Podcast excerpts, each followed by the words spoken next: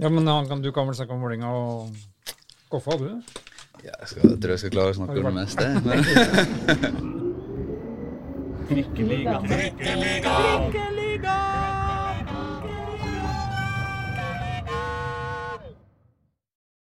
Velkommen til eh, Trikkeligaen. Nå har det blitt eh, faktisk sesong eh, tre.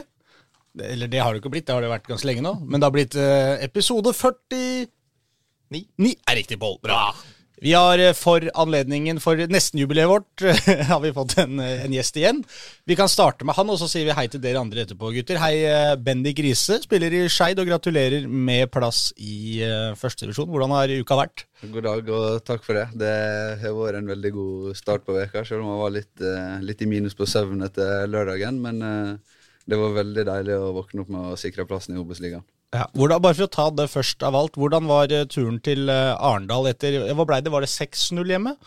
6-0 hjemme, ja. Så uh, turen nedover var jo prega av lave skuldre. Så Ja. uh, det ble jo en mental utfordring der vi måtte ha fokus på egentlig konsentrere oss og gjennomføre kampen på lørdag. Men det gjorde vi etter gang, så det ble jo egentlig bare en sånn parademarsj på lørdag, så sikra plassen. Ja. Jeg føler at hvis du, hvis du vinner, Når du vinner 6-0 hjemme, så føler jeg som spiller så er det sånn Fy fader, fantastisk. Mens treneren er litt sånn Tenk hvis vi drar ned til Arendal nå, og så slipper vi inn tre mål i løpet av første kvarteret. Kunne sluppet inn målet etter seks sekunder. Ja. Det, hva var det som skjedde der? Han, han sklei? Han, Ja, det var, det var vel en sånn uh, avsparkvariant de kjørte, og så sklir Fredrik både én og to ganger. Så eh, hadde de skåra der, så hadde plutselig Ja. de hadde fått litt trua på det og alt det der. Men eh, jeg sa det til far min etter kampen, og da bomma på den sjansen, så tenkte jeg i dag går det. det nå skal vi bare fullføre kampen. Og da var det spilt ti sekunder. Da fikk Ja. du følelsen av at dette skal gå. ja. Jeg var, jo, jeg var jo på den kampen, og det var jo såpass tidlig at jeg nesten ikke hadde begynt å følge med på, på kampen lenger. ja, ja, det så var, det var nesten, det var bare så vidt jeg fikk med meg at å ja, de, det var såpass. Vi hører at det er andre stemmer her også som melder seg på før de har blitt introdusert, så da gjør vi det. Reidar Solli, som vanlig, velkommen. Hjertelig takk for det. Og så Pål Karstensen. Hei, hei på Men, deg. men tilbake til denne 6-0. Her, her går vi rett tilbake. Jeg Ja, stuss- det kan vi jeg stusser over Gard Holme, som sa at det hadde, hadde skjedd større under i fotballen, sa han. enn At laget snurres 06, men eh, det har ikke jeg funnet. Han, Nei, han henviste til Liverpool og Barcelona og noen sånne ynkelige 0-3 eh, han under med tre mål. Det er jo ingenting. Nei, nei, det er klart det, det, er tre, det, blir omtrent det samme, da, fordi du skal ha tre mål i løpet av 45 minutter. De trengte seks i løpet av 90, så, så sånn sett så kan du si at det er omtrent like stort. da. Ja. Jeg veit ikke hva som er vanskelig. Jeg, scorer jeg føler det er vanskeligere å skulle skåre seks i løpet av 90 enn å skåre tre i løpet av 45. Så jeg, jeg, jeg Det er er også litt forskjell på kvaliteten da, mellom Barcelona og Liverpool og Skeid Arendal. Ja, det må vi kunne si. Det må vi kunne si. Ja, men, ja, ja, men Jo, det- men det der er jo begge lagene bedre, da. Det spiller jo egentlig ikke noen rolle. Nei. For det vanligste resultatet i fotball er jo 1-1. Uavhengig av kvalitet. Ja. Ja. Det er beste resultatet, er det ikke det, Reidar?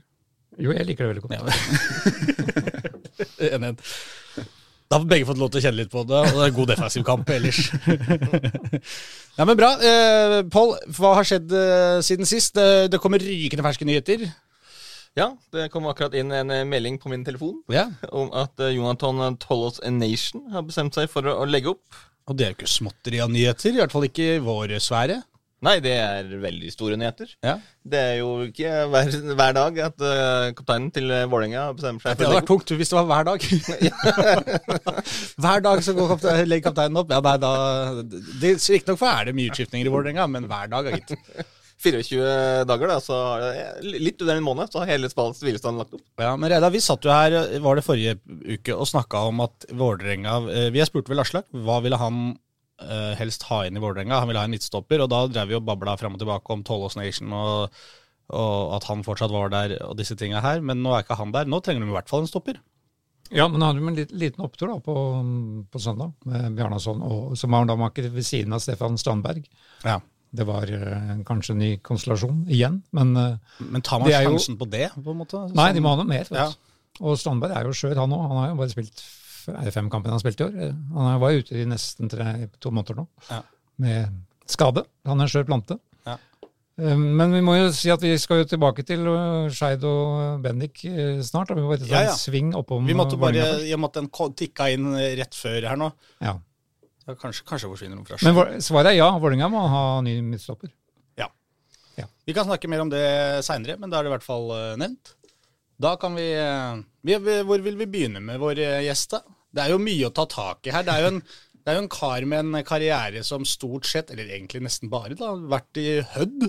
For du er jo oppe, vi kan begynne der, for du er jo fra Ulsteinvik, er du ikke det, Bendik? Jo, jeg er født og oppvokst i Ulsteinvik, ca. 200 meter fra Hødvoll. Så eh, hele livet mitt fram til i år har jo egentlig vært på Hødvoll. Gikk jo i Det som nå er garderobe på Hødvoll, det var jo barnehage før. Så jeg gikk jo faktisk i barnehage i A-lagsgarderober. Så jeg har faktisk gått i samme romma fra jeg var et halvt år til jeg var 24. Hvordan var det da å bytte det ut? Det var, det var litt spesielt, faktisk. I starten da jeg begynte å, begynte å hospitere med A-lag, så hang jo det igjen plakater fra barnehagen på, på noen Som du hadde dører. tegna? Nei, det var ikke mine tegninger, men eh, det hang igjen litt uh, minner der. Så det var klart det var spesielt, men eh, bare kult, egentlig. Men Hvor, hvor eh, engstelig var du for eh, at det skulle bli Skeid høyde i kvalik i høst? Det så jo lenge ut at det kunne bli det. Ja, det, det så skummelt ut en periode. Jeg var jo egentlig veldig innstilt på det sjøl og forberedte meg på det, men håpte selvfølgelig at det ikke skulle skje. Så eh, for min del så tror jeg det hadde gått greit, men eh, for mor og far så tror jeg det var eh, betraktelig verre. Så eh, vi er glad det ikke skjedde. Og når jeg tenker på det sånn i ettertid også, så tror jeg det var litt verre enn jeg hadde sett for meg. å skulle reise opp dit og møte gamle lagkamerater. og og holdt Hødd i andredivisjon, noe jeg håpte de ikke skulle gjøre. Så jeg er veldig glad det lykkes for både Skeid og Hødd i år. Fikk full uttelling da, i høst. Ja, det Først at var, rykker opp, og så at dere tar kvaliken. ja da, med det utgangspunktet vi hadde til sommeren der, så var jo det det beste som kunne skje, at vi tok kvaliken og holdt oss, og at eh, Hødd rykte rett opp. Men det er jo sånn at eh, når du på en måte alt, alt går din vei og, alt blir bra, så er det jo sånn at eh, resultatet av det er jo at eh, Skeid møter jo Hødd Ja, neste det- sesong, da. Så det, dette er jo bare Du har jo bare dytta det litt lenger framfor deg, dette møtet. Og det eh, kan du hoppe rett til det, for det er en som heter Halvor Stræde som har sendt inn en melding som spør eh, han sier først snakk om kvaliken og festen på lørdag, men eh, det kan vi jo kanskje komme tilbake til. og så på hvilken tribune sitter far når Hødd kommer på besøk? Ja, det, det er et godt spørsmål. Ta, Eh, fortell oss hvem faren din er først. eh, faren min er Harald Riise. Han er et sånn passe kjent navn for mediefolk, tror jeg. I hvert fall kjent nok til at han har Wikipedia-side. Ja da. Han, han jobber jo i Polaris Media og styrer litt med aviser. Ikke så mye i Oslo, men uh, overraskende mye arbeid i Oslo etter jeg begynte å spille for Skeid, det må jeg si. men uh, han er jo en veldig ivrig både supporter av fotball og Hødd, og av uh, ungene sine, selvfølgelig. Så han har jo vært på de fleste kampene i år, selv om uh, tidsskjemaet egentlig ikke skulle tilsi at det går. Så han klarte å få det til likevel. Men så var han, han var redaktør i Sunnmørsposten, ikke sant? Ja, men det er vel eh, 15 år siden nå, Ja, okay. tenker jeg. Så det er en stund siden. Men han var det da, ja. Men eh, når han kommer med Hødd hit, så tror jeg han prøver å holde seg forholdsvis nøytral. Han er jo glad i å være en sånn nøytral supporter, og det, det mange ikke veit, sånn spesielt her på Østlandet. Han er jo egentlig ikke Hødd-gutt, han er jo fra Hareid, som er erkefienden til Hødd i utgangspunktet. Så Ja. det er en historie der også, så han er jo på en måte måtte bare blitt litt sånn nøytral mellom klubbene. Og når han begynte i, i Summersposten, så var jo ÅFK også inne i bildet, så han måtte balansere alle de klubbene. da, Så jeg tror det skal gå fint med, med Hødd og Skeid også, at han eh, har en fot i begge, begge ender. Han har vel fått litt eh, kritikk av eh, Skeidoksene for at han eh, alltid stiller opp med din eh, trofaste Hødd-jakke når han ser deg spille, spille på Nordre Åsen også. Ja, jeg hørte rykte om det. Sett av den, eh, den blå Hødd-genseren opp i, opp i tribunen. Så det spørs om han får seg noe litt mer nøytrale klær til neste år. Ja, men det, kan jo, det, kan, det er jo fullt lov å, å, å håpe på begge deler litt òg, da. Hvis man er glad i en klubb og man er glad i sønnen sin, så kan man jo juble for både at sønnen skårer og, og at Hødd skårer, på en måte, med mindre kanskje det er du som kløner det til å gi bort et mål, da. Skåre selvmål eller noe sånt. Det hadde kanskje vært litt tungt. Ja, nei, jeg tenker det må være lov å glede seg på begge lags vegne, og forhåpentligvis så blir det en, en positiv oppleving der eh, vi slipper å spille om at ene laget skal rykke ned og andre eventuelt skal rykke opp. Da. At, det, at det blir litt artigere ramme rundt kampen enn det kunne ha blitt i en kvalikkamp i år, da. Ja, Vi kan, kan ja. møte til kvalik om opprykk til Eliteserien neste år. Ja, men det, det tror jeg bare skal bli artig i tilfelle. Da, Og det, det skal bare bli gøy, for det er en gevinst for begge lag. Så det, det blir bare gøy. Ja, for det er vel oftest mer sannsynlig at når du rykker opp fra andre divisjon, så er det jo ofte at du skal kjempe i, i bånn. Så, så liksom, hvis det er noe Skeid og Hødd kanskje kommer til å krangle om, så er det jo den, den, den Erik og kvaliken. Men jeg vet ikke hvordan man ser på liksom neste sesong etter den kvaliken som dere har hatt nå. For det, det føles jo ut som at Skeid Mange virker som de peker på at Skeid er et bedre fotballag nå enn at de skulle egentlig spilt kvalik, hvis du skjønner hva jeg mener? Ja da, det, det tror jeg mange garderober også er, enig i. Hvis du ser på tabellen for første halvdel og tabellen for andre halvdel, så er det to forskjellige verdener. På første halvdel så hadde vi vel seks poeng etter 15 kamper, eller noe lignende det, og det er jo helt eh, katastrofe. Så etter det er det egentlig ganske godt gjort at vi holdt plassen. Og for høstsesongen så er jo vi et øvre halvdel-lag på Obos-ligaen, så klarer vi å holde holde det ved like og beholde stammen i laget, så kan det absolutt bli bra til neste år. Mm -hmm. Det føler jeg jo. Det er vel litt det som vi Ja, vi skrev jo om det når jeg var der. Snakka med Fredrik, eh, kapteinen deres, Fredrik Bergli, om, om, akkurat det. Han snakka jo litt om den mentale snuoperasjonen og, og hvordan dere jobba med dere selv etter den tøffe perioden i starten. da. Dere mm. gikk, eh, gikk jo helt fram til uh, altså fram til 17. mai så ble det jo ingen seire. Mm. Før uh, seieren mot, mot, Blink kom der, og det var vel ja, nesten ingen poeng fram til, til, sommeren. Og så er det vel det sjuende beste laget på høsten. lik poengsum som som Sandnes på sjetteplass. Mm. Så fortell litt om den, den, den sommeren og hvordan dere jobba mentalt med å Altså holde de der negative tankene unna? Ja, altså det, det klart det var, det var, tøft. Vi visste jo før sesongen at vi fikk kanskje århundrets tøffeste sesongstart med alle lagene fra Eliteserien på hjemmebane de tre første kampene, i tillegg til tøffe bortekamper mot Fredrikstad og Start, var det vel. Så eh, det visste vi på en måte at det ble tøft. Og fram til, fram til 17. mai så var det liksom Det var bonuspoeng det vi skulle få. Men så når vi fikk det litt eh, på papiret enklere laga og tapte der også, så er det klart det var tøft, da. Men eh, som jeg har sagt til alle, altså, det hadde vært mye verre om vi tapte med fire-fem mål i alle kampene. Vi visste jo at eh, vi hang med, og vi tapte liksom med ett mål på slutten. Det var på en måte ikke mye som skulle til for at vi, vi snudde det. Og når vi da fikk inn litt spillere, vi gjorde litt endringer både på, på treningene og i formasjonene og sånn, så var det lille kneppet som skulle til fra å snu 3-2-tap til 3-2-seier. Det, det, var veldig deilig når vi begynte å ta poeng. Hvor viktig var den Dere hadde jo en nøkkelkamp mot Grorud da, som ble allerede i juli der. Der ja. dere vant og snudde den kampen eh, på, på slutten. Da sto dere jo med én seier og elleve tap mm. før den kampen. Eh, og Grorud gikk jo, var jo enda verre. De gikk jo de første var vel 21 kampene mm. uten seier. Ja, det var, det var, klart den kampen ble eh, viktig. Det var litt sånn Den kampen måtte vinnes hvis vi helt tatt skulle ha sjanse å, berge oss. Og så leda vi vel 2-0 til pause, og det gikk bra. Og så fikk vi to rett i trynet der. Og er det klart eh, tankene om at vi skal tape 3-2 igjen, sniker jo seg inn, da. Men, uh... Men hvem ble matchvinner? det føler vi går veldig rundt. Uh, rundt ja, akkurat eh, det eneste målet jeg skåret, det, det, husker jeg. Så det var, det var, jo ekstremt deilig at vi klarte å, å vinne den kampen. Da. Og det var vel samme veka som vi slo Kjelsås på straffekonk i cupen også, så det var, det var en veldig god uke. Et av høydepunktene for denne sesongen. Og det var vel ditt andre mål? Det, du skåra jo på Grefsen stadion nå, på straffe? gjorde du ikke det? Ja, på straffe ja. straffekonk, men eh, det teller ikke. Det skal telle. Straffe er gratismål.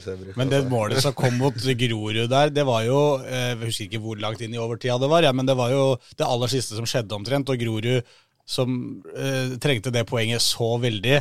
Og Simen Lillevik som kom ut der og redder den første avslutninga fra eh, Nå husker jeg ikke, var det Markus? Jeg tror det var Markus, ja. ja og egentlig en kanonredning av uh, Simen i målet til Grorud. Og han snakka jo om dette på liksom, så, står du, kommer du på returen og skyver den over streken, og da var det sånn der uh, Jeg tror den, for, uh, den hadde like stor effekt for dere som den hadde for Grorud, på en måte, da. I, mm. i, i henholdsvis positiv og negativ forstand, for det var liksom den, den, knekken de fikk av det poengtappet der, eller at de ikke fikk med seg det poenget der, det, den var ganske markant hos dem, tror jeg, da. Ja da, det, jeg tror det var brutalt for deg. og så du sier like deilig for oss å se at vi faktisk klarer å vinne fotballkamper. Det var ekstremt deilig. Og så Burde jo Markus ha skåra der, da, det skal jeg si. det ganske vanvittig at uh, det ikke ble mål før. Og så var jo en plass jeg ikke skulle være, som var altfor nært målet deres.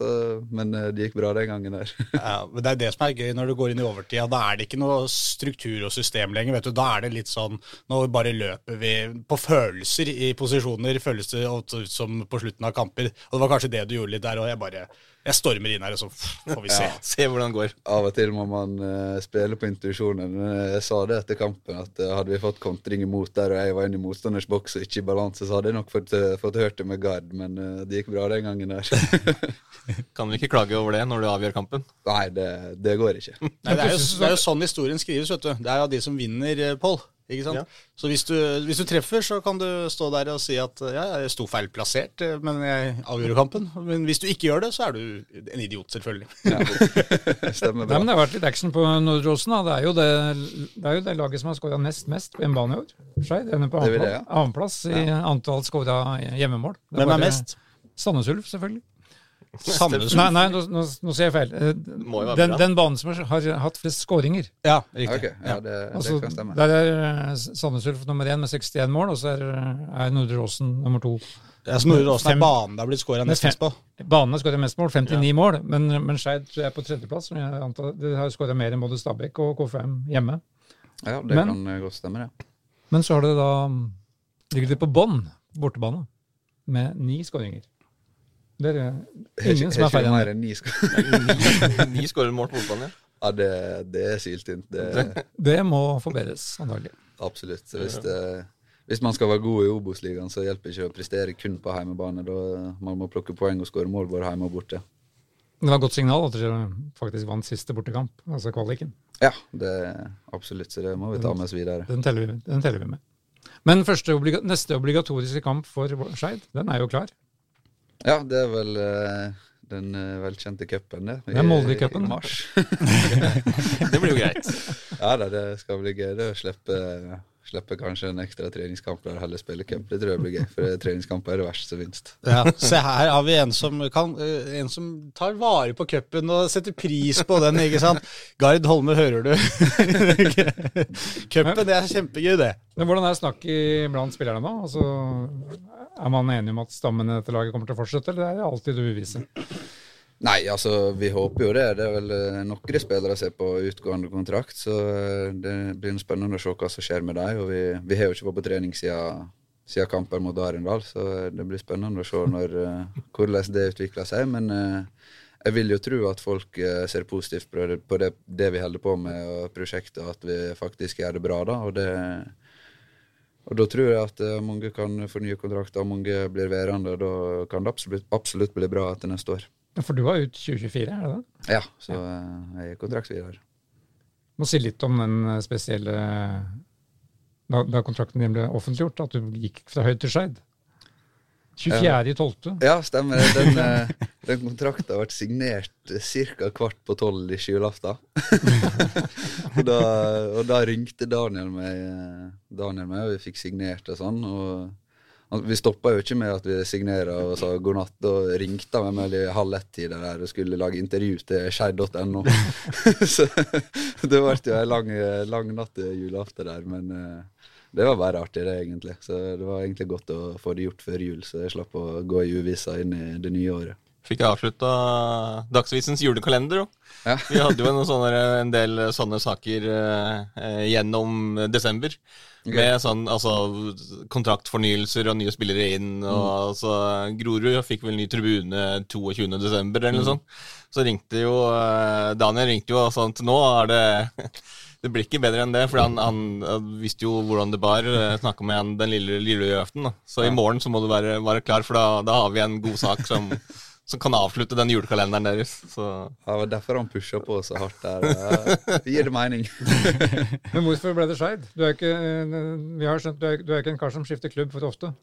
Det er deilig å det... se spillere med ett, ett klubbnavn bak seg før de skifter. Ja, det er ikke, ikke kjent for å bytte klubber verken hit eller dit, så, men uh, Skeid passa veldig fint med det jeg hadde lyst til. Det var et, uh, først og fremst et nivå opp uh, som jeg hadde veldig lyst til å prøve når uh, det ikke gikk med Hødd.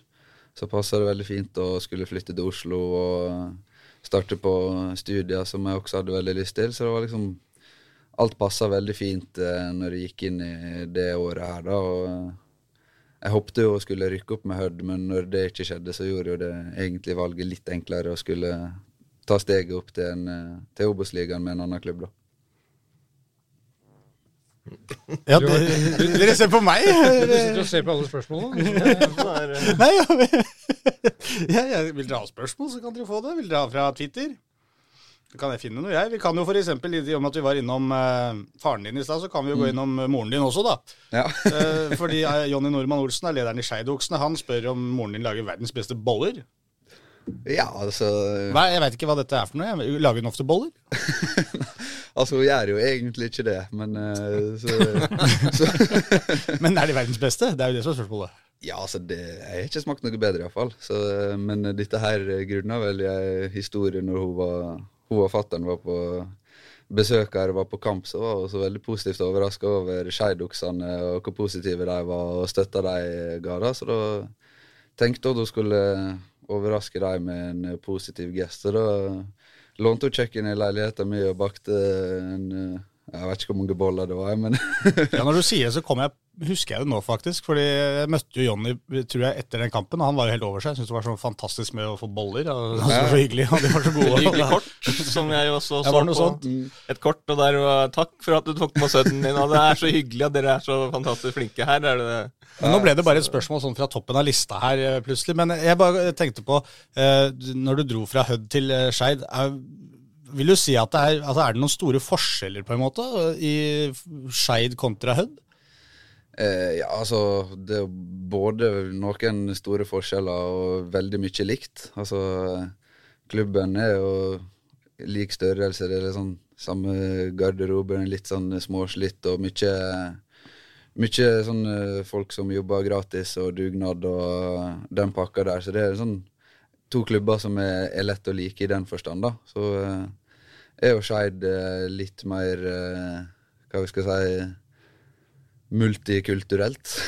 Ja. det er ikke sånn at Hareid er langt unna, på en måte? Nei, så det er litt sånn eh, Man kjenner jo alle i Ulsteinvik og mange lokaler. Det er sånn samme gjengen, da. I Skeid er det fra overalt i Oslo og rundt om Oslo. Vi har jo folk fra både utlandet og fra vi har Bærum og Oslo og Holmlia. Det er liksom en, eh, en veldig fin pakke med, med folk, da, og det, det setter jeg stor pris på når jeg kom hit. Men eh, ellers er det mye likt. altså. Når eh, Joakim Dragsten tok over uh, Hødd der også, så ble det til og med fotballen ganske lik på våren der. Ja. Men det er noe med deg og mat, da, tydeligvis. For det er jo flere som har spurt om uh, har noen sånne matrelaterte Ja. spørsmål. Jens Husebø, er det riktig? ja, det er Jeg går litt og spinner Twitter, eh, hvem som har, hvem som har sendt, eh, og hvem som har likt, og hvem som eh, gjentar. Men hva gir deg mest glede? Fotball eller matlaging? Ja, det er et godt spørsmål, egentlig. Det er jo egentlig en god kombinasjon, tror jeg. Det er jo det, er det fine med både fotballen og matlaging og mat og sånn. Det samler, samler folk og nye og gode venner. Så det er på en måte hele pakken rundt det. da, Men jeg tror jeg skal si at fotball gir mest glede når det går bra, iallfall. Men jeg setter Ja, stor pris på matlaging også. Matlaging går kanskje oftere eh, på en måte, altså Vanskeligere å trå feil, kanskje? Det, Altså, er det sånn at du- Det skal ikke du si. Nei, ok. Jeg bare tenkte at Hvis du er god til å lage mat, så på en måte blir jo sluttresultatet til slutt god mat. på en måte at Hvis du serverer noen andre, da kanskje du ikke er fornøyd, men altså de som sitter rundt bordet, vil jo alltid være fornøyd hvis du har lagd et måltid, vil jeg jo anta. da. Ja da, det, det vil jeg tro. Så jeg Mens hvis du spiller fotballkamp, så kan det hende at de som sitter og ser på fotballkampen, er rasende på deg, selv om du har prøvd å gjøre så godt du kan. Ja, det er sant. Det, det skjer ikke så ofte. Det kan, kan hende folk er rasende uten å si det, men eh, jeg kan sette pris på en god matbit og både å spise og lage mat. Det er jeg veldig glad i. Men han har jo da et oppfølgingsspørsmål som gjelder fotball, da, samme mann. Som vel da spiller på din selvtillit i duell, duell, duellene på midten. Har du noen gang vært i en hodeduell du ikke har vært helt sikker på at du kommer til å vinne? Jeg er litt usikker på om det spiller på sjøltilliten min, for vi har hatt eh, Jeg og Jens spilte jo i lag i, i Hødd, så vi har hatt noen diskusjoner om det der. da. For jeg, Folk tror jo kanskje er en mer sånn eh, krigertype og duellspiller enn det jeg egentlig er. Og lagkameratene mine mener jo ofte at det går i litt for lite dueller og sånn, men eh, jeg har aldri sett helt poenget med å gå opp i dueller der ballen bare forsvinner en helt annen plass. Og hvis jeg ikke skal vinne duellen, eh, så er jo ikke det vits å gå opp, tenker jeg. da. Det, det er jo litt teit å si, men eh, Ja, for jeg skjønner hvor du, hva du mener her. Fordi jeg tolka spørsmålet litt sånn at du hadde en sånn selvtillit at du på en måte hver gang du gikk opp i en duell, så var du helt sikker på at du kom til å vinne den. Mens Ja. det som er realiteten, det er at du egentlig bare velger deg ut dueller som du vet at du kommer til å vinne. ja, så når jeg først går opp, så skal jeg være sikker på at Ja. jeg vinner den duellen. Hvis ikke, så, så får noen andre gå opp i duellen, så kan jeg heller plukke andre ballen. Da er det mye bedre, for da har jeg ballen i beina etterpå. Det høres jo- høres jo smart ut, da. Ja, men det, du, det er jo en del spillere som du ser har den andre delen her. At det er sånn Jeg går opp i denne duellen. det- Oddsen er elendig, men jeg bare gir alt allikevel for å prøve å vinne den duellen. Og så er det ikke sikkert du, du gjør det, men, men det er ikke der du er. Du er mer Du kalkulerer. Ja, kan jeg, det- Denne vinner jeg? Ja, da går jeg opp. Ja, jeg vil si det. Så kan jo jeg sikkert gå opp i litt eh, flere dueller. Det kan jo være. Men det er jo det fine med å være et fotballag. Da Da er man komplementære ferdigheter. Så da får disse her uh, galningene gå opp i duellen, så kan jeg få ballen i beina etterpå. Ja. Og der er du god. Ja, bedre Har du noen gang slått en pasning du ikke var helt sikker på at kom til å nå frem? Ja, jeg har- vel prøvd det noen gang. Av og til må man ta sjansen på det også. Men uh, uten tvil bedre med ballen i beina enn på hodet. Jeg bare tenkte på han eh, Jens Husbrand hadde eh, Jeg har bare lyst til å egentlig lese opp Han hadde fem spørsmål, og jeg syns det var et helt fantastisk artig eh, satt sammen, eh, og- helt uforståelig, selvfølgelig, ganske mye av dette her. Eh, Men hvis jeg bare leser opp alle fem spørsmålene for deg nå, Bendik. Bendik. Altså, Jens Husbø, for å si det, han spiller vel i Bryne? Han spiller i Bryne og Han sliter med en skade, så han har ikke spilt så mye nå på høsten. Ja, men bare så har vi plassert den. Ja. Og du spilte med han i Hødd, var det 1920? Det var rundt der? 2019 og 20, ja. To år. Da, da kommer det. Hva gir deg mest glede? Fotball i matlaging, det var nummer én. To. Har du noen gang vært i en hodeduell du ikke er helt sikker på at du kommer til å vinne? Tre. Følelser, tanker rundt Aron Gunnarsson. Fire. Hovedstaden i Zambia. Og fem. Crispy duck eller blåmuggostburger. Ja, Og dette, er, dette henger jo ikke sammen Eller henger det sammen? Nei, det, det henger vel ikke sammen annet enn at det er vår måte å kommunisere på gjennom en veldig merkelig form for humor. Dere kommuniserer gjennom Twitter gjennom andre kanaler, Ja, som Trikkeligaen? det-. Det, fi, det fine med den måten å kommunisere på, er at ingen andre forstår det. Så, så Nei, det det henger ikke sammen. Men eh, Hva, med, Du får prøve, prøv deg på eh, hovedstaden i Zambia, da, for eksempel. ja, altså, jeg så jo de spørsmåla før jeg gikk inn hit, og jeg søkte på Google og skulle huske det, men jeg husker det rett og slett ikke. Om det, var, det var noe på L, tror jeg. Lu, lus, Lusara eller et Ja, eller annet. veldig nære. Veldig nære. Jeg vil du ta den på? Nei, altså, du kan ta den hvis du vil det. Lusaka. Lusaka, ja. Lusaka. Ja. Eller Lusaka. Men, men hvorfor er det, en, er det noe Er du dårlig på hovedsteder, eller er det Nei, jeg skal vel egentlig være ganske god på det. Nei, ikke, ikke test meg i det, men jeg liker, tro- jeg liker å tro at jeg er god til det. Ja, sånn, ja, men, men Zambia er alltid håpløst, og den setter seg aldri? Er det det som er greia? Nei, det er første gang jeg har hørt eh, om Zambia. Så det, Så Du er ikke på, du er ikke på Drillo-nivå når det gjelder eh, nei, absolutt ikke. Jeg, jeg er glad i en god quiz, eh, men eh, at jeg kan alle hovedstedene i, i hele verden, det skal ikke jeg skryte på meg. Men det skal være quiz, men det skal være på medium-nivå, på en måte. Ja, Det skal være Lett blanding. Hovedstaden av Sveits, for eksempel. Det er litt morsommere. Ja, det skal jeg klare. Det er for lett, kanskje. Det er vel Bern, ja. Jo. Ja, det, Canada, da. Hæ? Canada. Ottawa. Ja. Så det er sånn passekontroll. Ja, ja, ja. Det er greit. Men apropos hodet, da. Eirik Saunes har Ja. jo da et spørsmål eh, apropos hoder. Topp tre lagkamerater som raskest mister hodet. Ja, så Eirik Saunes er jo bestekompisen min. Han eh, gikk jo i den barnehagen eh, på Hødvoll, og vi har spilt i lag helt fram til i fjor. Så, eh, og så har vi en eh, felles eh, kamerat som er kjent for å miste hodet, som heter Dan Leid. Han, eh, han spiller i Nordkjøping nå i Allsvenskan. Og han uh, vet, eh, Vi veit hva knapper vi skal trykke på for å få han til å koke, og det, det er ikke særlig vanskelig. så jeg håper at jeg skal møte han en gang, så uh, får trykt på de knappene. Men han er uten tvil på førsteplass på den lista. Så får vi på andreplass, tror jeg, må sette min andre lag- lagkamerat i Hødd, Robin Hjelmeset. Han også er, lett å fyre, men uh, han skal ha det at han er veldig flink å fyre opp andre også. Det, han er et kjent navn i Skeid-miljøet før jeg også kom hit. Han uh, fyrer opp folk. Og på tredjeplass så skal jeg ha såpass sjølinnsikt at jeg skal sette meg sjøl. Det, Å ja. det kan, eh, kan hisse meg opp ganske, ganske greit, sjøl om jeg er blitt bedre på det. Hva skjer da? Nei, det, det tar vel ut bare på alt og alle rundt meg, da. Det kan bli har blitt uh, ufint, det, mot både spillere og trenere. Men uh, jeg har blitt litt voksnere, så jeg tror ikke de Skeid har merka veldig mye av det i år, iallfall. Kanskje litt. Men for det er ikke så mange gule. Ja, Du måtte vel stå over én kamp pga.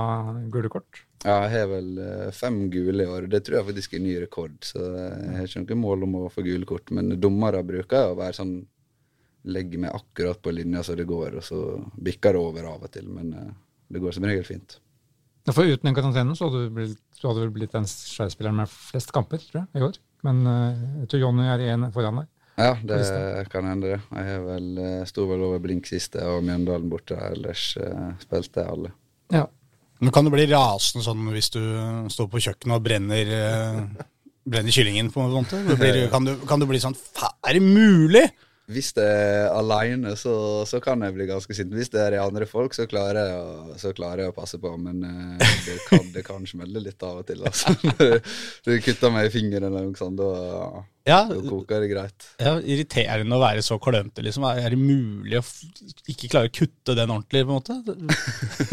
ja, det, nei, det, går som regel fint. Når det, med, når det er jeg sjøl som har gjort noe feil, så klarer jeg å være såpass eh, ha sånn sjølinnsikt at det, det er ikke vits å bli sint på meg sjøl. Men hvis jeg føler meg urettferdig, urettferdig behandla av noen andre, da kan jeg virkelig bli sint. Så dømming på trening er ikke, er ikke favorittgreia uh, mi, da.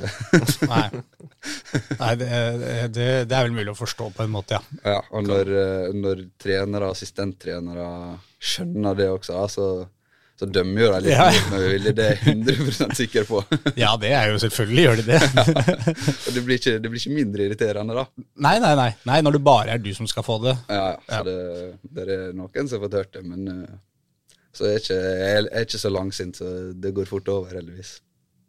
Reidar, du blar? Ja, det er så mye, det er så mye rart her. Men uh, altså vår, vår gamle Skeid-oksevenn uh, Per Thomas Olsen Ja, han har sett den sendt inn spørsmål. De to første har vi jo vært innom. Både hvordan følelsesmessig hadde det vært å møte Huddy kvalik, det har vi vel snakket om. Og hvordan blir det å møte dem neste år, det har vi også snakket om. Beste motspiller i år i Obos-ligaen, hvem var det?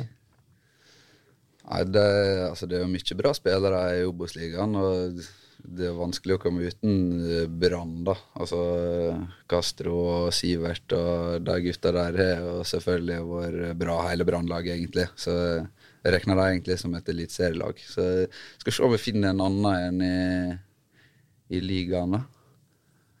Uten at det skal Tenker du da at det er en du på en måte har møtt på midtbanen, eller er det sånn at du kan ha observert han at oi, han var glimrende høyrebekk, liksom, eller Ja, det er vel nærliggende å tenke en jeg møtt. Altså det første jeg kan tenke på, da, uten at jeg skal skryte for mye av uh, naborivalene, så skal jeg trekke fram Robin Rask på uh, Koffa. Han er en meget uh, bra fotballspiller, og det er veldig rart at han ikke spilte på høyere nivå ennå. Kanskje det blir det? Ja, det, de for hans sin del så trenger han det iallfall. Vi får jo se. Vi får, spiller vel i kveld, gjør de ikke det, Koffa? Spiller klokka seks mot Kongsvinger hjemme. i Første ja. Kvalifiseringskamp. Men Var spørsmålet verste motstander eller beste motstander? Eller altså sånn verste å møte, eller var det den beste kvaliteten på en spiller? Beste motspiller i år beste, ja. i Obos. Ja. Og beste medspiller i Skeid. Oi. Beste medspiller i Skeid, ja. Nei, da må jeg si Jakob Romsås, altså. Det er en uh, så begava fotballspiller. Det det er veldig deilig å spille med. Det er sånn, man trenger ikke noen treninger eller sånn for å klare å spille med han. Jeg veit hvor, hvor, jeg finner han hele tida, og han finner meg uansett. Så veldig deilig å spille med, med Jakob. Og han, eh, han, kan bli en god fotballspiller hvis, det, hvis han holder seg skadefri og har det på rett plass. Det var vel litt sånn det vi så i den første kampen mot, altså mellom Skeid og Arendal. Mm. At dere spesielt utover andre gang der, du og, og, og Markus eh, spesielt da, på, på, på, midten, mm. greide å altså, både vinkle ut til, til Jakob og, og, de som var på kantene, og bekkene som kom opp. Og, sånt. og dere hadde ganske god kontroll og, mm. og fant hverandre i, i det spillet, eh, spillet, som var der. Som, åpna seg opp ganske mye, og dere skapte jo sjanser på løpende bånd.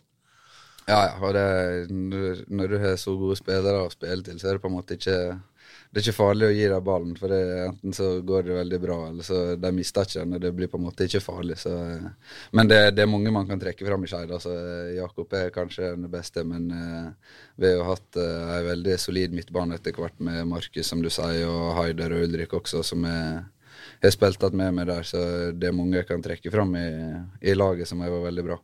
Men Jakob, hvordan klarte han å la være å skåre?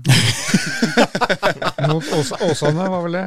Ja, nei, det, det, er jo det fine med en, en fyr som Jakob. Da. Han kan jo skåre i krysset fra 30 meter, og så kan han finne på å, å gjøre det der. Han trodde vel han var i offside og leka med keeperen og alt det der. så...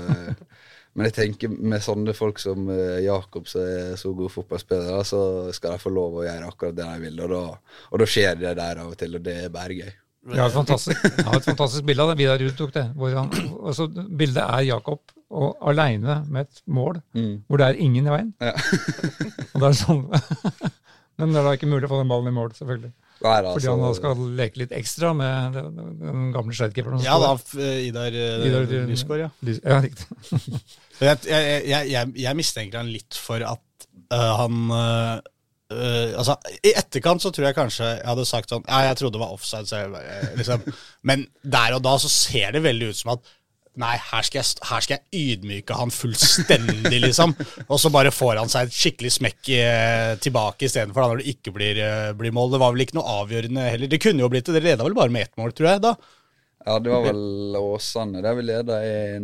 Nei, jeg tror du leda med 2-0. Kampen var avgjort, da. Det var ikke noe, det var ja. noe Men Gard var ikke så fornøyd etterpå likevel. Han ville veldig gjerne at den skulle i mål, sånn at han liksom kunne være helt trygg og ferdig med det, men Ja da, men, så jeg tror ikke han kommer til å gjøre det igjen neste gang han kommer alene med keeper. Men det er det jeg føler kanskje at han kan finne på å gjøre. ikke sant? Han, som du sier, han har litt den derre løkkefotballen mm. i seg, den derre lekenheten, da, som selvfølgelig den jo Den slår jo ofte positivt ut, men da kan du også få litt sånne rare situasjoner som det der òg, for det er jo helt sånn jeg skjønner jo liksom Hvis du sitter hjemme og spiller Fifa, da, for eksempel, mm. og du leder med to mål, og du har grei kontroll, og så tenker nå skal jeg bare Istedenfor å skyte ballen i tommel, så vipper jeg den opp til han der, så det er brassespark i mål, bare for å mm. liksom Nå skal jeg ydmyke dem skikkelig, det andre laget. Ja. Eh, jeg tror han har litt den der at vet du hva, Nå skal jeg bare se hvor fint kan jeg gjøre For han skulle jo stoppe og lobbe den over til slutt her, det var vel det som var greia, så, så blei det bare sånn ordentlig mislykka forsøk på en lobby istedenfor. ja da, det, det, er ikke alltid det lykkes, men uh, det jeg sier, at når man er,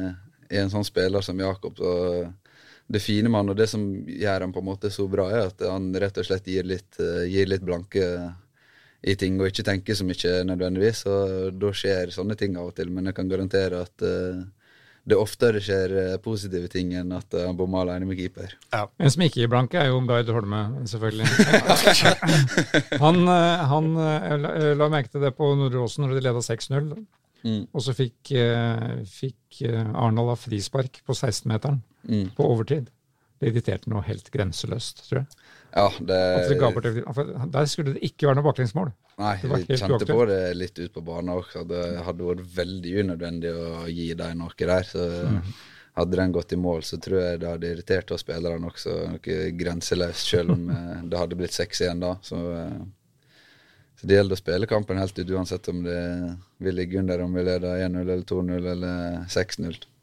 Det var jo samme mann som sa at han ikke var sikker på seier når de spilte mot Rosenborg 2 her i den kampen som Skeid vant 12-0. Eh, ja. Selv om de leda 6-7-8-0 der, så var det sånn nei, nei, kan ikke ta noe for gitt før, eh, før kampen, er, kampen, er, over.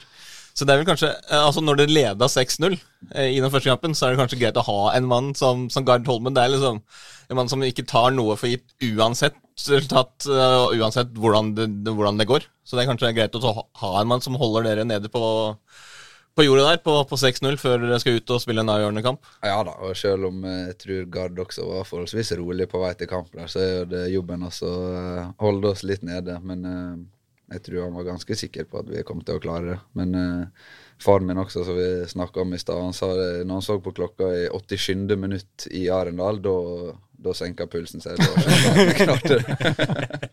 Men vi måtte til 87., ja? Vi måtte dit, ja. Så jeg tror han går rundt med sånn pulsklokke på kampene. Jeg tror ikke han har så lyst til å sjekke den etterkant, for den, den er rimelig høy når det står på. Så du mener, Paul, at Gard Holme han er en trener som kler perfekt å trene et lag som leder kamper 6-0? Der er- Han er veldig god der. Det er god. Ja, og, så bør vi prøve det litt oftere, kanskje. Ja, det, det har ikke blitt altfor ofte at vi eh, kunne slappe av siste minuttet. da, Bryne borte og Kongsvinger hjemme i tillegg til kvaliken. Men eh, det er jo veldig deilig å slippe å skulle stå av en storm i tilleggstida på slutten der. Så kan det være greit å kunne slippe ned skuldrene og slappe av litt eh, på slutten av kampene. Det er jo en stor forskjell på eh, lag som havner i en kvalik og holder seg. Det, noen lag kan ha avslutta sesongen kjempedårlig, ras nedover tabellen, dette inn på en kvalik til slutt, kanskje krangla seg gjennom den. Og så står man etter sesongen og tenker sånn Hvor er vi egentlig som klubb nå? Ikke sant? Eh, Føler situasjonen er på en måte helt motsatt for dere. Altså Dere, dere krigde dere til en kvalik. Dere kunne selvfølgelig klart eh, fast eh, trygg grunn også, men det hadde jo litt med at eh, de laga foran dere også begynte å, å levere mye poeng etter hvert. Men hvis man sitter som Skeid-supporter nå, og spiller og trener, så tror jeg man sitter og tenker at når du snakker om Jakob Napoleon Romsås, og du snakker om deg selv, og du snakker om resten av laget, at eh, dette her kan bli så utrolig gøy hvis, man, eh, hvis alle blir værende, og hvis man kan fortsette å bygge på dette. For nå har liksom pila begynt å peke så veldig skarpt, eh, skarpt oppover. Er, er det sånn følelse dere sitter med, eller? Ja, altså det er klart det er mye bedre å være på avslutte sesongen på en oppadgående kurve, og at vi har vært gode på høsten og kan ta med oss det inn i ferien og, og jobbe godt med det. Det er uten tvil veldig bra. Og er sånn, når vi gikk inn i kvaliken også, så var jo det på en måte det beste vi kunne håpe på i sommeren hvis ikke det skulle skje et mirakel. Så vi var veldig forberedt på det også. og det var på en måte målet vårt. da. Men eh, når det har gått så bra som det har gjort, så er det selvfølgelig veldig mye enklere å gå inn i en vinter. Jeg tror folk rundt oss, eh, både folk rundt og klubbene i Obos-ligaen ser på oss som et mye bedre lag. da. At eh, de forstår at vi faktisk har noe å komme med, at vi hører hjemme i Obos-ligaen. Det tror jeg kan være veldig godt å ta med seg inn mot eh, starten av neste sesong. Hvordan er det liksom å gå rundt og, og vente på en kvalikkamp? Altså, som det? Altså, dere er jo eh, Dere hadde jo muligheten til å ta en Bryne der en, en periode, men det var jo var ganske lenge klart at dere kom til å havne på en kvalikplass. Ja. Og så måtte dere da vente på hvem som ble motstanderen, men dere visste jo liksom de siste ja, ganske mange kamper da, at det ble to avgjørende kamper på slutten av sesongen. Hvordan er det da å gå rundt og vente på, på de, de kampene? Nei, det, det er slitsomt. Man vil, vil jo egentlig bare bli ferdig med det når man vet at eh, det er litt sånn nervepirrende kamper som uh, kommer. Samtidig så fikk vi god tid til å forberede oss på det. Vi klarte liksom mentalt uh, gjøre oss forberedt på å skulle møte et, ja, et dårligere lag fra Post Nordligaen, der både Arendal og Kisa fikk litt eh, omvendt og kjempa for å klare å rykke opp og fikk kanskje en liten knekk på slutten av eh, sesongen, og de ikke klarte det, måtte ta til takke med kvalikere. Så jeg tror vi hadde en mental fordel der. I tillegg så fikk vi spart spillere mot eh, blink, og vi var på en måte fresh, og alt liksom, alt som sto i hodet vårt, var den Arendal-kampen på onsdagen. da, og Det tror jeg vi fikk veldig mye igjen for, egentlig, selv om eh, det var ganske irriterende å gå og vente på det så lenge. Jeg har lyst til å ta spørsmålet fra Stian Olsen eh, her da. For han spør hva er dine topp tre høydepunkter fra sesongen 2022? Oi. Ja, det, Det kan jo være stort og smått. på en måte. Det kan være en kamp, det kan være en pasning, et mål, et, Tror en tilskudd. et av dem, i hvert fall. Eh, Napoleon. Nei, En overtidsskåring tror jeg jeg har vært innom. Ja, altså, jeg tror jo den, hele den veka egentlig med, med Grorud og Kjelsås der, det må jo være et høydepunkt. Det var på en måte et løft for, for både eh, laget og klubben og supporterne når vi endelig vant to kamper der, og i tillegg var mot eh, to av våre største rivaler i, i byen, spesielt Kjelsås i cupen der når vi snudde kampen. Og, så det var selvfølgelig veldig artig. Og andre høydepunkt så tror jeg vi må ta med den eh, Ranheim-kampen hjemme også, når vi vant 1-0. Det var vel den første vi vant og klarte å starte ei lita rekke og plukke poeng der. Og når vi vant mot Ranheim hjemme, et lag som lå på andreplass da, tror jeg, stemmer. så, så viste jo at okay, det er faktisk mulig å vinne kamper mot eh, laget over oss på tabellen. Så da fikk vi på en måte en sånn en boost der, da, så det er klart det var veldig deilig. Hvis jeg skal plukke fram et tredje høydepunkt, da. Skal vi se eh, om vi leter godt i, baki her, men eh, Så mange sier. får ta med ta med Jakob eh, Romsås igjen da mot Stjørdals Blink. Jeg tror vi leda Jeg tror det var 2-1 på det tidspunktet der han midt ut på banen tar en sånn der Han lobba ballen over hodet midt ut på banen.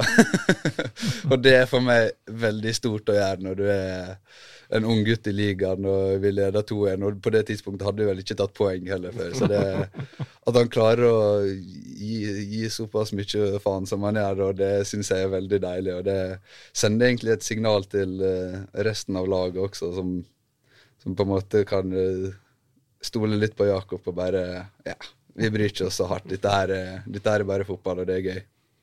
Så det, det må være topp tre, tror jeg. Ja. Hvis vi skal eh, Jeg ser at Stian Pettersen har sendt inn eh, spørsmål her eh, også. Jeg tviler ikke. Nei, og han, han har to spørsmål. da. Vi kan ta det første først. Fornøyd med årets innsats, også parentes, egen og botsjef i botsystemet.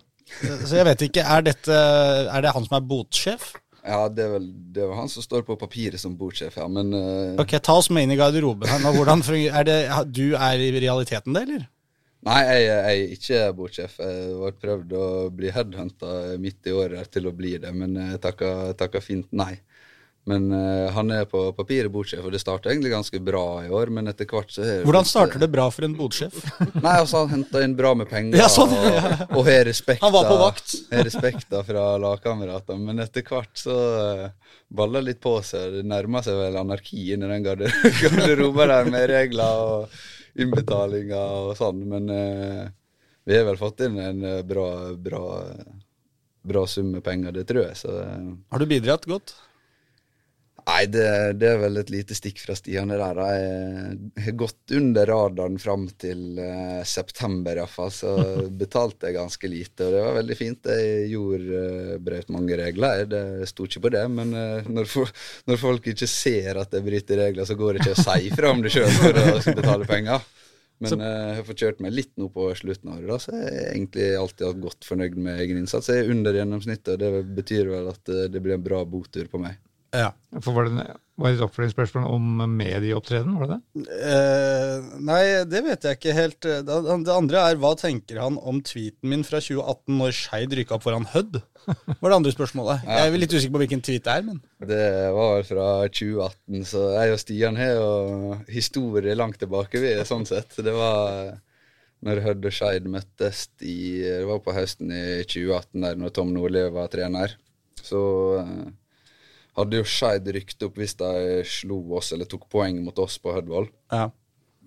Og det ble jo etter hvert en sånn uh, batalje mellom der det ble litt uh, krig, og etter hvert og, eh, det var en Skeid-spiller som prøvde å få meg utvist med å trakke på meg og filme, og forskjellig der også. Så du lar deg ikke hisse opp. Nei, og da, og da var jo jeg litt ung da også, så da ble jeg ganske hissig etter hvert der, da. Og det balla litt på seg, og etter hvert, og stillinga var vel 1-1 fram til, fram til 90 igjen, da, der vi får en corner eller en stor sjanse, og Markus Naglestad skårer med et hælspark fra 16 meter. Og vi vinner 2-1, og Skeid eh, rykte ikke opp den dagen. da. De hadde etter et rykte av champagne i bussen og forskjellig. Det har vært en, eh, en tung busstur hjem. Men da ble det det meldt fra, fra både meg og Robin Hjelmeset at det var Norges største drittlag, og at det skulle bli ei råtten reise hjem igjen til Oslo og diverse der, da. Og når Skeid da rykte opp eh, rykte opp noen serierunder etterpå, så var Stian kjapt ut på Twitter og ønsket god bedring til eh, både meg og Robin. og at Norges største drittlag måtte ta til takke med Obo-spill året etterpå. Så, det er vel den tweeten han refererer til. da. Det kan høres sånn ut. Ja, og det, det var bare artig da, og det er bare artig nå. Så det er gøy når det koker litt, og gøy når det meldes litt etterpå, og så er vi gode venner når alt er roa seg. Men så når du, når, du, når du da satt i jula 2021 da, og skulle og signerte for Skeid, liksom, man, tenker man liksom takket Du har jo noe forhold til mange klubber ikke sant, som man har møtt på en eller annen måte, og du sitter igjen med et inntrykk av hvordan de, de klubbene er. Veldig overfladisk, selvfølgelig, men sånn, du har et inntrykk av hvordan spillergruppa er, og hva slags klubb dette er, du har vært på hjemmebane, dem som har spilt og greier. Eh, hva- hva- Kom den, den i det øyeblikket her fort opp i hodet. Skeid, ja. Kan jeg gå dit uh, Ja, altså, det?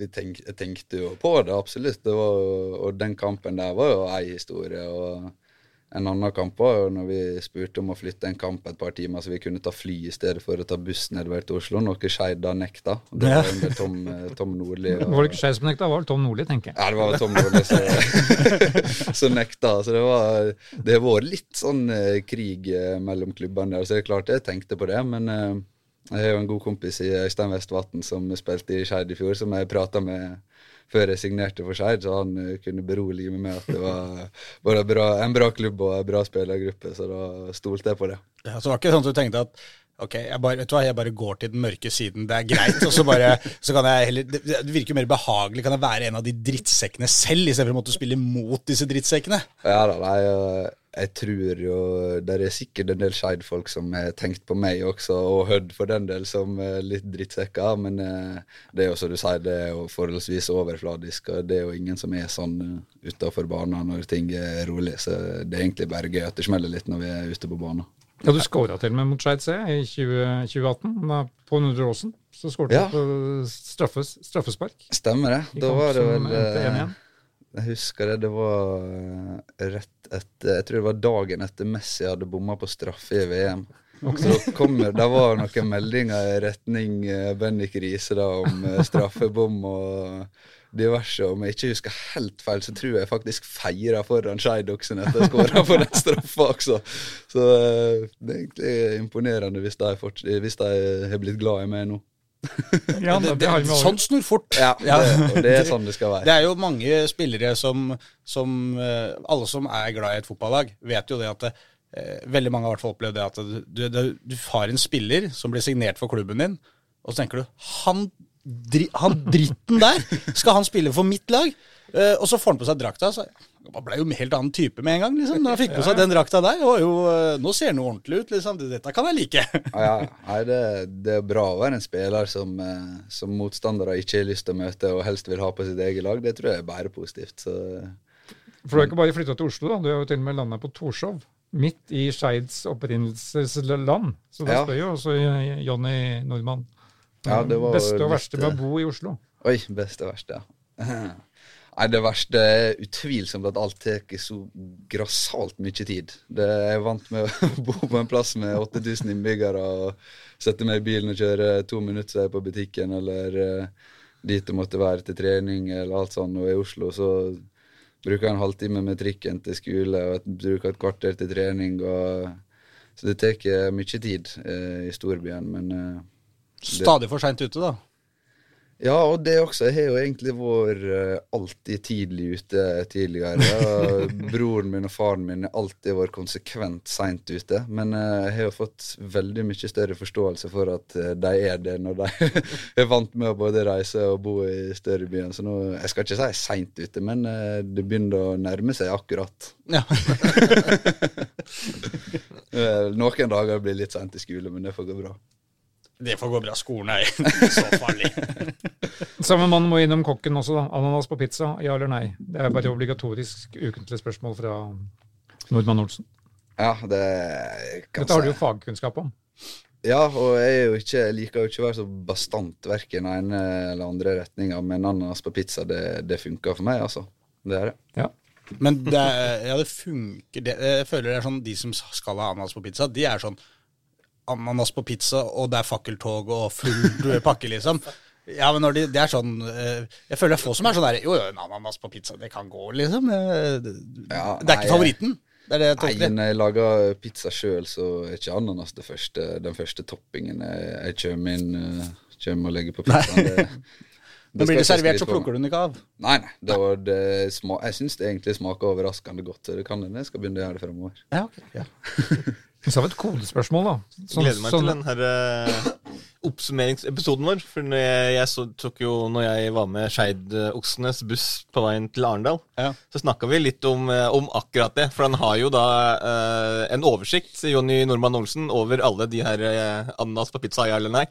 Ja. Som han da, når vi skal ha oppsummeringsepisoden vår eh, siste før, eh, jul, så skulle han da skulle love da å telle opp og så komme tilbake med den oversikten. Ja, Til glede for, uh, Men har vi avlagt svar, da? Hæ? Kanskje ikke det er viktig. Bare gjestene, kanskje. Som Ja, vi kan jo Ananas på pizza, Pål? Jeg er vel litt enig med, med, med Bendik. Jeg ville ikke gått for det selv, liksom, Ja hvis jeg skulle lage det. Men hvis det er på, så vil jeg ikke plukke det av. Okay. Så det Da får du tolke det, Jonny, sånn som du vil. ja. Det er to som ikke plukker av, og en, som, en av de to vil kanskje begynne å ha det litt oftere på. Reidar? Ananas? Eh, av og til, ja. Av og til, ja. Ikke Og- avvisende. Ikke avvisende. Jeg svarer nei. Men egentlig helt undersert i spørsmålet. Ja, ja. Men s- Men fotballspørsmål, det, det syns jeg er morsomt. Og det er muligens et kodespørsmål, dette her. Er, okay. Jeg sliter jo med Twitter, og, og som sagt, den som har stilt det? Arthur Garnes, kanskje? Ja, det er jo eh, sjefen i Lokomotiv Oslo, ja. Ja, og det er og det er da fulgt opp av Johannes Sundgodt, som likte spørsmålet. ja. Har du spilt sammen med en keeper som er mer vokal og tilstedeværende enn Pir? Pir, ja. Det er også en av barndomskompisene mine som ender med å stå i mål, så står i mål på Lokomotiv Oslo nå. Ja, ok. Men eh, nei, svaret på det spørsmålet er nei. For det, når du klarer å være keeper og protestere på offside-avgjørelser mot eget lag 70 meter fra der du står, så er det klart, da, da blir du hørt på banen, altså. Og det Engasjement, kaller vi det. ja, på grensa til usaklig, men eh, det er bare gøy. Ja, ok. Det er vel da Sivert Pierrot som vi eh, skal snakke om. Ja, det stemmer. Ja, bare så at uh, Ja, lytterne for bare vet. er, det, er det noen som ikke vet da? For sånn geografisk. Ja, det Din geografiske bakgrunn skulle egentlig tilsagt at du, at du spilte for Lokomotiv Oslo. Er det det han Arthur prøvde å si her? Ja, altså det er Kanskje der jeg ender opp til slutt, da. Men uh, da må de komme seg litt opp i divisjonssystemet først. For at det skal være aktuelt uh, enn så lenge. Men uh, Lokomotiv Oslo er jo et lag jeg liker, selvfølgelig. Når det er Ulsteinvikere som både starter laget og spiller på laget. Selv om det er blitt litt færre av dem nå etter hvert, da, så er det fortsatt eh, innslag av eh, heimbygda på det laget. Så det er gøy. Det er jo litt sånn eh, når eh, Det er jo ikke så mange fotballspillere å ta av fra Ulsteinvik. Så når de, enkelte av de da velger å ikke spille for Lokomotiv Oslo, så blir det vel enda færre å ta av. Ja, nei, det, det er ikke Man bader ikke ulsteinvikere som spiller fotball, altså. Man gjør ikke det. Men uh, samtidig så tror jeg andelen av befolkningen i Ulsteinvik som spiller fotball, er ganske stor sammenlignet med resten av landet, da. Men eh, i starten, når Lokomotiv Oslo starta, så var det kun uh, ulsteinvikere, eller iallfall sunnmøringer, da. Mm. Vi kan strekke så langt at, det, at vi skal ta med bygdene rundt også. Så det det består av utelukkende sunnmøringer på laget. Vi kan konkludere med at det er flere fotballspillere enn hekkeløpere i Ulsteinvik. Ja, iallfall fram til nå. Det kan hende den uh, begynner å jamne seg ut etter hvert. Men eh, jeg tror det fleste er flest fotballspillere fortsatt. Har du prøvd? På kvaliteten, kvalitetsforskjellene mellom fotballspillerne og hekkeløperne fra Ulsteinvik. Ja, jeg tror det. er- Det er jo selvfølgelig populært med Karsten og sånn. eh, Og for å svare på spørsmålet ditt, så Ja. jeg, jeg har prøvd hekk på, på videregående, men eh, det, det, det er ikke der mitt største talent ligger. Nei, ok, Så det er ikke noe sånn genetisk at alle som er derfra Bare plutselig fant du ut etter at han begynte, så var det sånn Shit, kanskje vi alle er ekstremt gode til å løpe hekk, men vi har ikke prøvd. Nei, det, det er nok noen så jeg har funnet ut at jeg kanskje er god i det. Men jeg var faktisk ganske god i å hoppe høgde på når jeg gikk på videregående. Jeg tror jeg hoppa 1,80 høgde, så det er jeg ganske fornøyd med. Ja, det hørtes jo bra Ja, ut. veldig bra. Så, Eh, var du, men du var høy, kanskje, da. Det hjelper litt, det. Men, Ja, det hjelper nok litt, men, eh, men du skal ha litt spenst hvis du skal gå over 1,80. Du kommer et eller annet stykke på veien med litt høyde, men eh, ja, så, så høydehopp hadde vært din friidrettsgren. ja, det vil jeg tro. Jeg tror ikke Og det handler vel kanskje like mye om at det er ganske middels i de andre ting. andre alternativer. Jeg føler mange tyr til sånn kasteøvelser. at det er sånn, det skulle, Hvis jeg hadde trent lenge nok på disko, så skulle jeg klart å få den skiva til å fly litt, på en måte. Ja, nei, da, jeg tror ikke det er noe for Men hvordan, hvordan hadde Karsten vært i, i fotball? Karsten eh, har jo spilt fotball. Jeg har faktisk spilt en del mot Karsten. Han spilte jo på Hasundgodt, som er okay. et, en mindre klubb i, i området der. Han er jo to år eldre enn meg, men eh, vårt kull og lag var jo ganske bra når vi var små, så vi spilte jo mot de som var ett og to år eldre, og da slo vi Karsten og Hasundgodt ganske så greit, altså. Så eh, jeg tror, var, jeg tror han gjorde lurt i å satse på 400 meter hekk framfor fotball. Han hoppa litt for høyt i duellene. Det gikk litt, Beina og spensten gikk litt for fort for ham, så han klarte ikke å kontrollere Ja, for det er det, ja, det, er det du skal ha med deg ballen i dette her òg. Du skal løpe 400 meter hekk med ball. Det er jo en ny øvelse. Må slå ballen under hekken og hoppe over og ta den ut på andre Ja, sida. Det kunne vært gøyal. eh, Jeg spørs om jeg og Karsten må teste det. 400 meter hekk med ball. Ja. Kanskje jeg har hatt en sjanse. Det hadde jo vært interessant. Og. Jan Åge Fjørtoft til å stelle i stand noe. Han er ikke vond å be når det kommer til sånne Nei, nei, Det, det er en oppgave for han, syns jeg. ja, han Det gikk Men opp til å gi så veldig mange hodedueller da, med, med Karsten, med tanke på hans menst? Nei, det tror jeg styrte greit unna. I den grad jeg, jeg går lite i hodedueller nå, så gjorde jeg det iallfall ikke når jeg var mindre. Så det styrte jeg unna. Men det er jo et av mange quiz-spørsmål. Altså, Skeid har jo hatt to individuelle verdensmestere på A-laget sitt opp gjennom tida. I noe. Ja, I- altså- individuelle idretter, ja. Individuelle idretter, Altså verdensmestere. Mm. Så sånn sett kunne jo Karsten Det er jo helt sikkert skihopp. Ja, det kunne jo kunne vært det er Rosenborg som har det. Bjørn Wirkola Det spilte føler jeg er sånn gamle dager så er det sånn alltid- en skihopper som hadde vunnet Ja. VM-gull, eh, spilte fotball på si. Ja, ingen av dere kan det, for dette er jo en sport som ikke lever lenger eh, i, i offentligheten. i. Skyting, Er det skyting på løpende villsvin? Vi er inne i skøyte- skøytesporten. det driver man med fortsatt. Det driver man med fortsatt. Men eh, det, det har ikke, har ikke riktig samme fokus som, Nei, som i dag. nei, men det fins jo. Men verdensmester på skøyter, Dag Farnes og Amund Sjøbrand, eh, Ja. begge er verdensmester på skøyter. De har begge spilt på flanken for Skeid. Det er jeg 100 sikker på faren min veit. Og akkurat nå så angrer jeg på at jeg ikke hørte mer på han han snakka om skøyter. For dette har han helt sikkert fortalt meg når jeg skulle gå til Skeid. Så det, hadde jeg hørt på han nå, så kunne jeg sikkert brifa med litt eh, kunnskap her som hadde imponert både det ene og det andre. Men eh, Ja, nei, eh, du har ikke brifa med noe, du, bortsett fra fotballsvarene dine. Du traff ikke på Zambia, og Nei. Ja, eller du brifte, du tok fotball. når jeg først da er på Hold deg til 70-tallet fotball. ja, jeg tror det er greit. Ja, vi vil tilbake til 70-tallet, allerede. Ta ja, ja, for da, da, må jeg ta, da må jeg ta den, eh, for dette handler da faktisk om fotball og Hødd. Mm. Eh, Som jeg regner med faren din er oppdatert på. For, for det er et av mine første minner som eh, da jeg så denne Skeid eh, i aksjon. 1970, siste serierunde. Um, Skeid kunne rykke ned, og det kunne Hødd også. Hvor er vi i toppdivisjonen nå, Reidar? Vi er i øverste, øverste liga. Altså. Det var ikke noe annet tema den gangen at Skeid spilte på, på øverste nivå. Neida, men det er ikke Så alle det var, jo, er det var jo en skandale hvis de skulle rykke ned. Det var ikke noe tema, liksom. Men uh, høsten 1970 var det det. Og da sto det mellom Hødd og Skeid. Hødd hadde Porsche borte i siste kamp. Mm.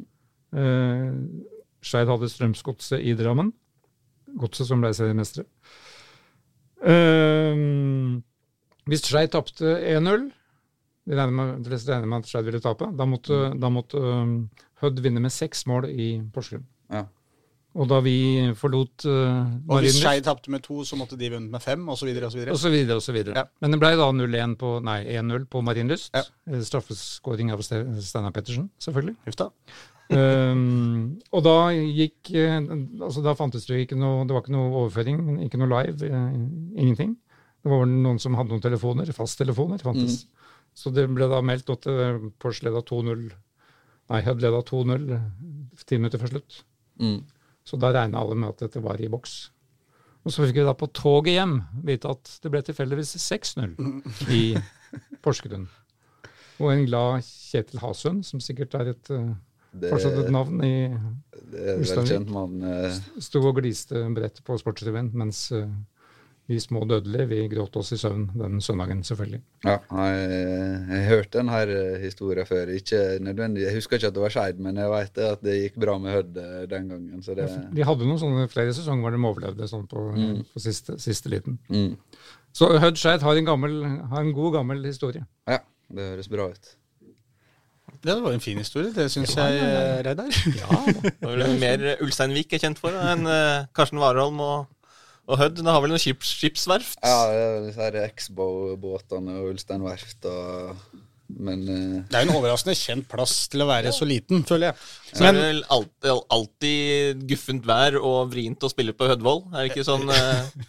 jo, det, det ryktes. Det jeg syns ikke det har vært så gale, men eh, Jeg tror bare at Hødd har truffet veldig godt der med at de har klart å skape en sånn derre det er et slags fakta, bare. At når man snakker om Hødd Uff, borte på Hødvoll, ja. Det, Ja. det er sånn, Den kommer med en gang. Det er samme hva det er. Hvis det er sånn ja, Vi kan få kvalik mot, eh, de, mot Hødd eller dem. Så er det sånn Ja, Hødd har jo ikke vært så bra i det siste, men da må vi til Hødvold, da.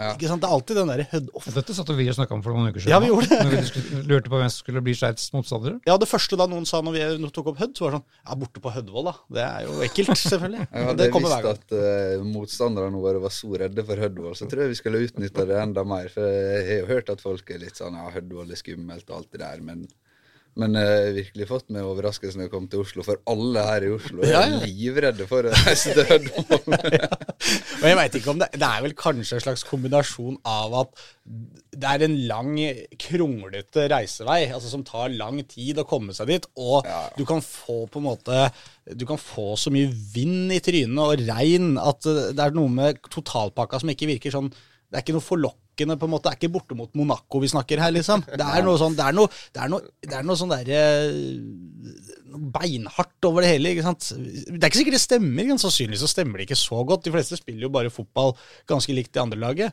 Men det føles jo som regn og blåser og de, har sikkert, de står sikkert på trening og trener på å beregne vind, sånn at de kan skru hjørnesparkene inn i mål.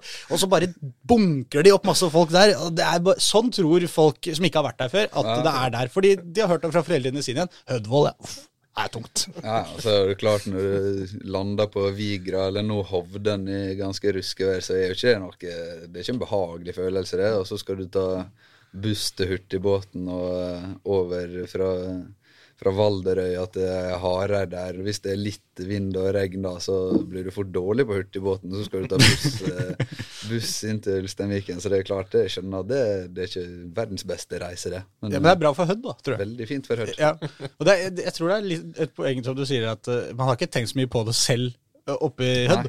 Men eh, jeg tror det er litt samme måten som folk i Europa ser på Norge og Ullevål. Jeg tror de skal møte Norge borte, så sier de sånn Uff, oppi der, ja. Uff, det er noe dritt, ass.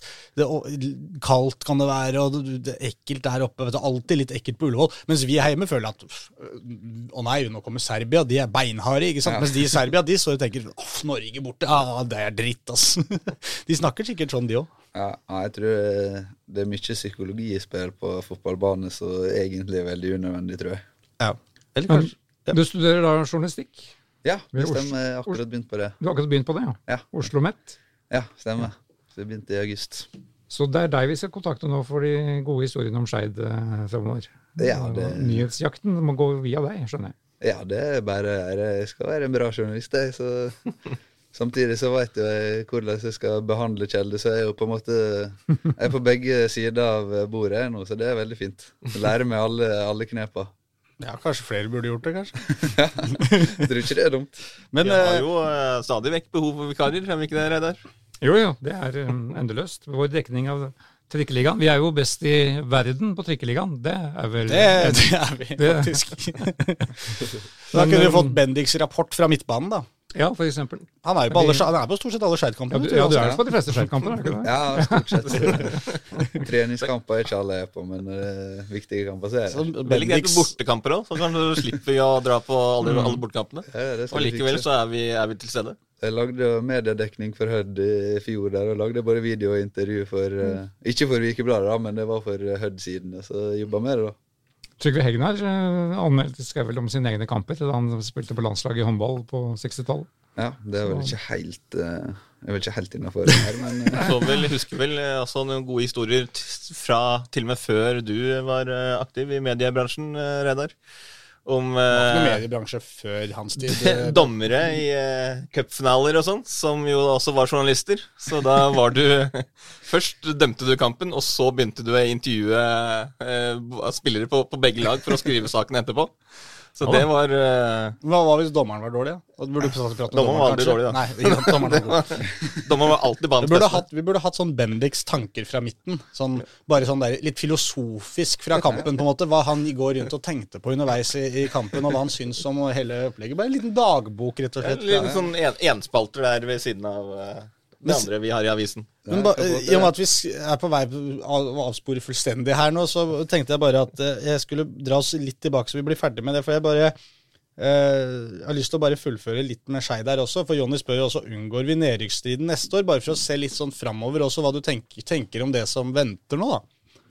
Ja, altså For å svare på, rett på spørsmålet, så er forhåpentligvis svaret ja. Altså, Vi har vært inne på at vi har hatt en god høst, og vi har veldig mye bra å bygge videre på. Og Samtidig så skal ikke vi bli fornøyd med det, og det som er bra nok i år, det er nok ikke bra nok neste år.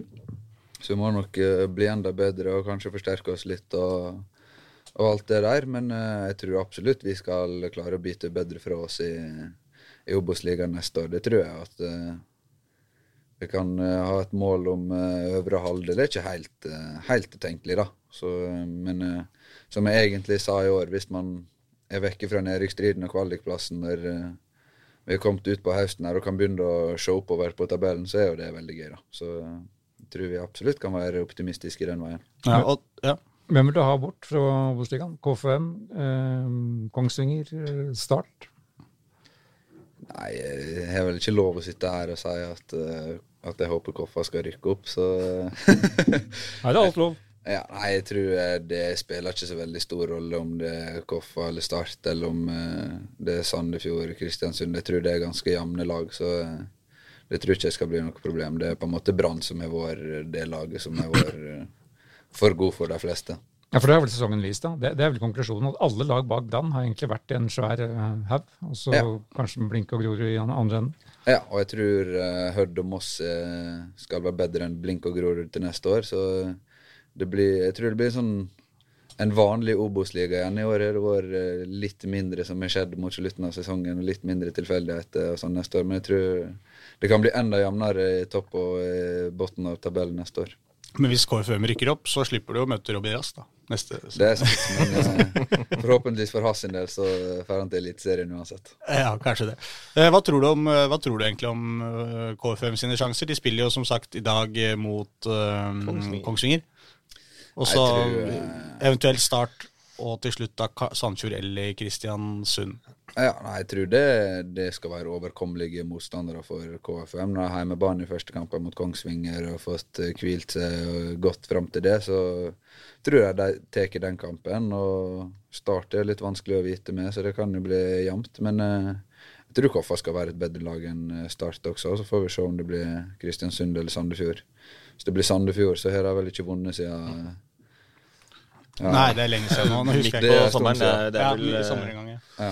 juli, juni-juli en eller annen gang. Så. Ja, så Men jeg føler at kanskje Kristiansund er litt det samme som, eh, som Hødd. Det er Aldri, aldri kjekt å dra bort til eh, KBK der og spille Ja, men de har ikke der, klart å bygge opp den, den der mytiske Hødvoll eh, Jeg vet ikke hva banen til Kristiansund heter engang. Den De heter vel Kristiansund stadion, Nei, Ja, Da, da, da vet jeg. Jeg trodde den hadde noe sponsornavn. ja. Men uh, hvis det, det laget som møter Hvis de møter Sandefjord i en kvalik, så tror jeg det er veldig gode muligheter. KBK tror jeg blir litt verre med, for de har hatt litt av samme oppsvingen som eh, vi i Skeid hadde. De begynte begynt å vinne nå. og Hvis de klarer å komme seg opp på kvaliken, så er det vel tidenes snuoperasjon. Det er jo enda bedre enn det, det vi har prestert. Og da tror jeg de skal klare å ta en kvalik også. Men, eh, så det blir spennende å se. Men hvis det blir Sandefjord, så tror jeg Sandefjord går ned. Mm. Og Jeg Vålerenga er inne på sjuendeplass. Det er vel det som skal konkluderes med kommende søndag. Vi- Eh, At de skal ned på sjuende? At de skal ende på sjuende, Ja. Er Alt, alt ligger til rette for det. Ja. De det det hvert år, da? Ja, det skjer hvert år, nesten. De har Molde i siste seriekamp på inntil-tid. Og hva var det du så? De siste 40 årene så hadde de 6,49 i snitt posisjon på tabellen, var det ikke det? Ja. Så det er vel eh, relativt sannsynlig at det blir den sjuendeplassen, ja. De har jo Molde i siste kamp, Vålerenga. Har du sett det i fjor, live? Jeg var på Vålerenga-Ålesund. Da vant de 4-0, og da var de ekstremt bra. Så da var jeg på Jeg har en kompis som spiller på Ålesund, han var ikke like happy etterpå. Men eh, da så Vålerenga ekstremt bra ut. Det var vel i den gode perioden de hadde i sommer-høst en gang, da. Ålesund og det, Hva slags forhold har du egentlig til de? Ålesund og Er det lag man misliker? Eh, Ålesund er jo et lag man har vokst opp med og skulle eh, hate, Ja. hvis eh, man bruker så sterke ord. Men eh, etter hvert så har jo det vært divisjonsforskjell mellom OFK og Hødd, både én og to divisjoner, og da har jo det rannet litt ut i sanden, egentlig. Men uh, det er jo et lag vi ikke liker veldig godt, og når vi møter dem, så er det alltid rivaleri, og det skal det være. Men uh, jeg tror både Hødd og OFK har skjønt at uh, samarbeid hjelper begge klubbene. Ja. Molde er for langt unna, og de er for gode til at vi skal gidde å hate dem. Nei, men du er ikke Du, du, er ikke, du jubler liksom ikke over at de blir seriemestere heller, på en måte? Nei, men uh, jeg syns egentlig det Jeg vet ikke hvor bra det er å si det, men jeg syns det er bra for uh, at både lokalfotball og regionalfotball For at Hødd gjør det bra, at Ålesund gjør det bra, at Molde gjør det bra, og for så vidt Kristiansund også. At, at det gjør det bra i fylket som jeg kommer fra. Det syns jeg egentlig har vært gøy hele tida. Om, Og at Molde vinner Eliteserien er kjempegøy. At Ålesund holder plassen i Eliteserien det er bare positivt for Hødd også, som nå rykker opp. Og det, det er bra for fotballen i heimbygda. Så har jeg et par Eller nå er det bare Eirik Haugan som spiller der, så er en kompis av meg. Så jeg syns det er veldig kjekt at uh, de klarte å vinne, da. Ja.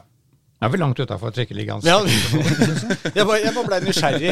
Beklager alle Oslo-fans. Jeg, jeg, bare jeg bare begynte å tenke Men Ålesund-spiller Jonathan Tollos Nation tar da sin avskjed på søndag, da. Det, det må vi jo da kan vi jo runde av med. For en bro. Hvilken bro? Ja. Hvilken bro?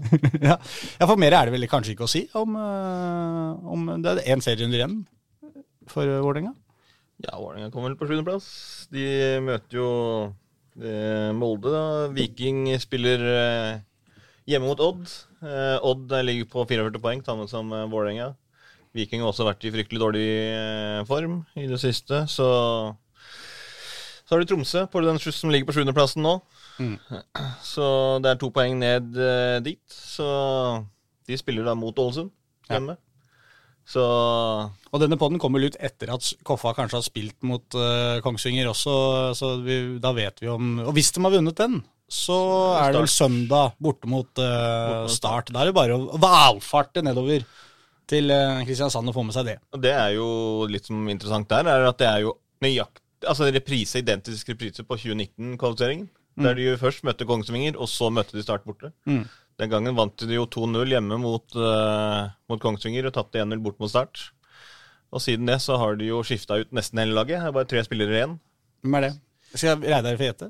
Ja, du kan jo gjette det. Det står jo i dagens papiravis. Ja, ja da, men det er Men den har jeg ikke lest. Min, altså Jeg husker ting fra 1970, ikke fra Ja. 2020. Tre spillere fra 2019. Robin West, da. Ja. Og kanskje Dodo. Ja. Og Hammer. Ja. Ja da! Der er du god. Er sterk. Deilig. Skal du få en bonusspørsmål? Hvem satt på benken? Det er én, det er én spiller som satt på benken, som også er der. Altså det er fire, da. Ja, Men han var ubenytta reserve. Ja, sånn, ja. Og så er det Tore Sørås, da, som også var i klubben, og han var langtidsskada, så han var ikke med. Ok, En som satt på benken. Nei, det orker jeg ikke å ta.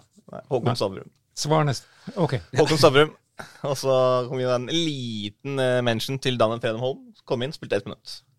Ja. Og han er jo fortsatt også i klubben, bare i administrasjonen. Det er riktig. Det blir spennende. Men Veldig hyggelig å ha Bendik Riise på besøk her. da. Ja. Veldig trivelig å være her.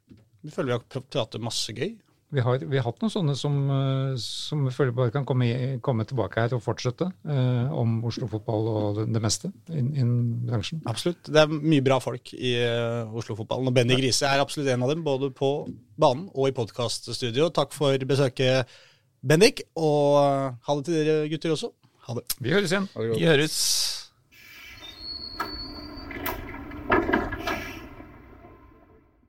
Du har hørt en podkast fra Dagsavisen. Ansvarlig redaktør heter Andreas Heen Haaland Karlsen.